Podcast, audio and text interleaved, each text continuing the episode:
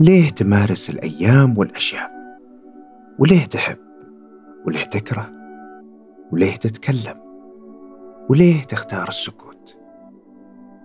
وليه ينتهي فيك المطاف بفخ المنتصف أحيانا؟ أنا عبد الله السعيد وأنتم تسمعون بودكاست فتيلة.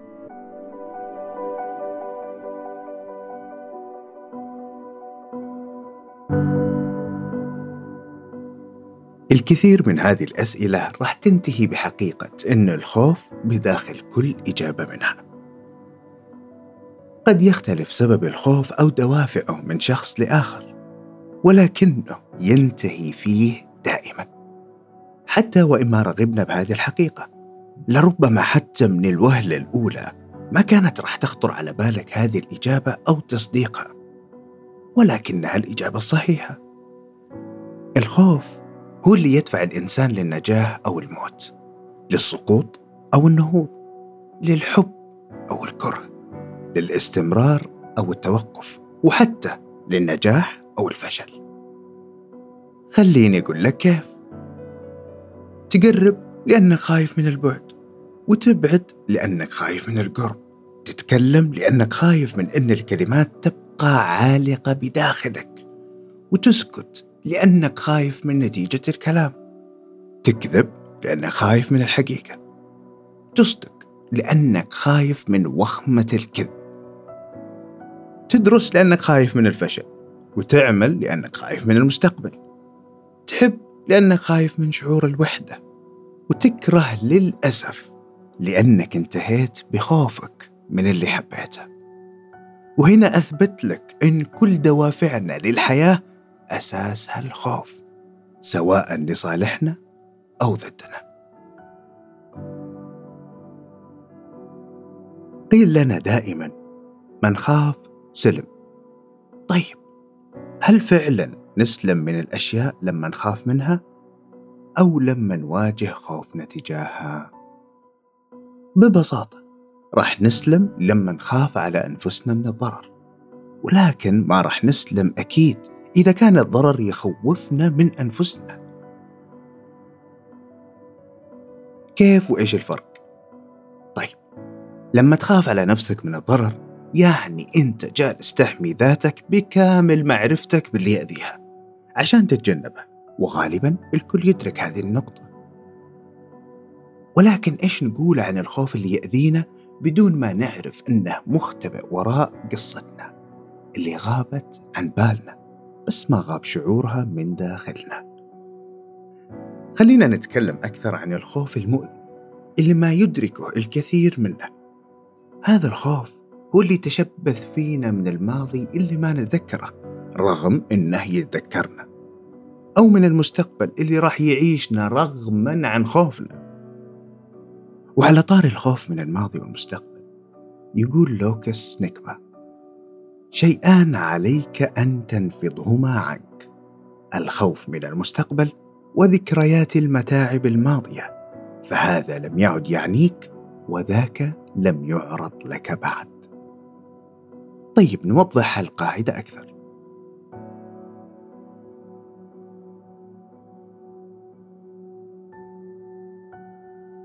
أنت خايف اليوم لأنك علقت بموقف من الماضي وخايف من المستقبل. لأن الماضي راح يلحقك فيه. تحاول تنجو بالهرب دائما كأبسط حل وما تدرك بأن هالحل يغرقك أكثر. وبأنك ما راح تنجو إلا بالمواجهة. لازم تعرف أنك مضطر تواجه اللي خلاك مأذي من الأمس وخايف من بكرة. وهذا ما يعني أنك تصنع من مشكلتك مشكلة ثانية بأي طريقة ممكن ترجع لك بالأذى أيا كان سبب خوفك. شخص أو موقف. أول خطوة لازم تخطيها هي الاعتراف. تعترف بهذا الخوف وسببه وصاحبه ومن ثم تطالب بشرح الأسباب كاملة وتأخذ حقك الكافي من الإجابات الناقصة. وأنا راح أساعدك.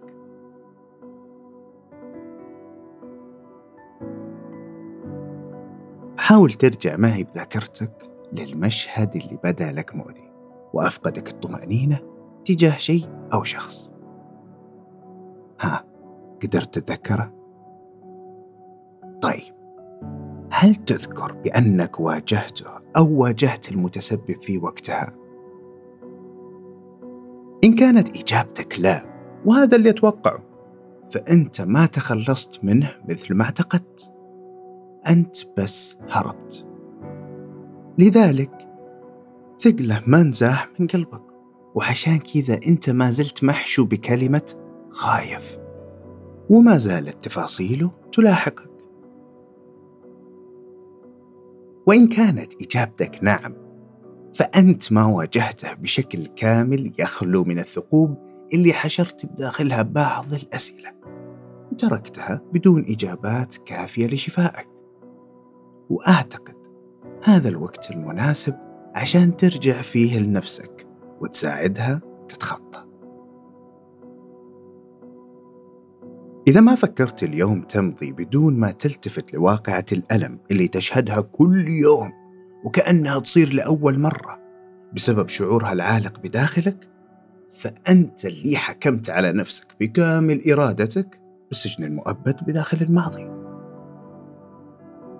اعرف أنك فاقد ذاتك القديمة بس هل خطر على بالك إن ذاتك تفتقدك؟ تفتقد ضحكتك الحقيقية وروحك اللي ما تحمل أي شروخ وقلبك الخالي من الندبات وذاكرتك اللي ما تمر فيها المشاهد المؤذية. مستوعب بأن اللي يوقف بينك وبين ذاتك القديمة هي المواجهة اللي خفت منها دائما وتركتها وراك؟ يقول مارك توين افعل أكثر شيء تخشاه وتخافه وسيموت الخوف بداخلك.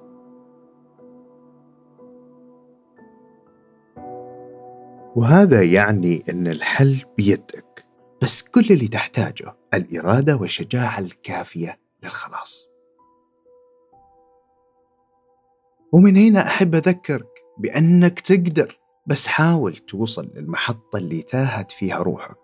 وتاخذها لرحلة الأمان وتتجاوز المحطات اللي مضت فيك بدون ما تمضي فيها وخلاها عالقة بمحطة الخوف.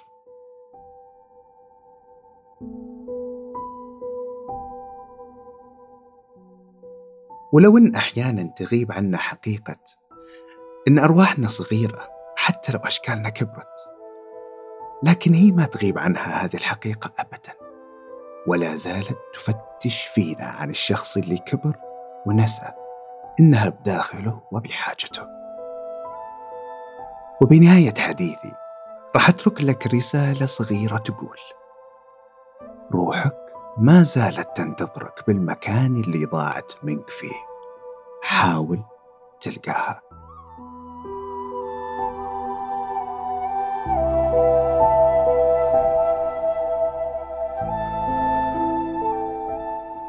شكرا لك لأنك فتحت قلبك وسمعتني. كنتم مع بودكاست فتيلة.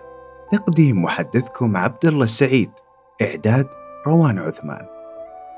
فتيلة معكم وبقربكم.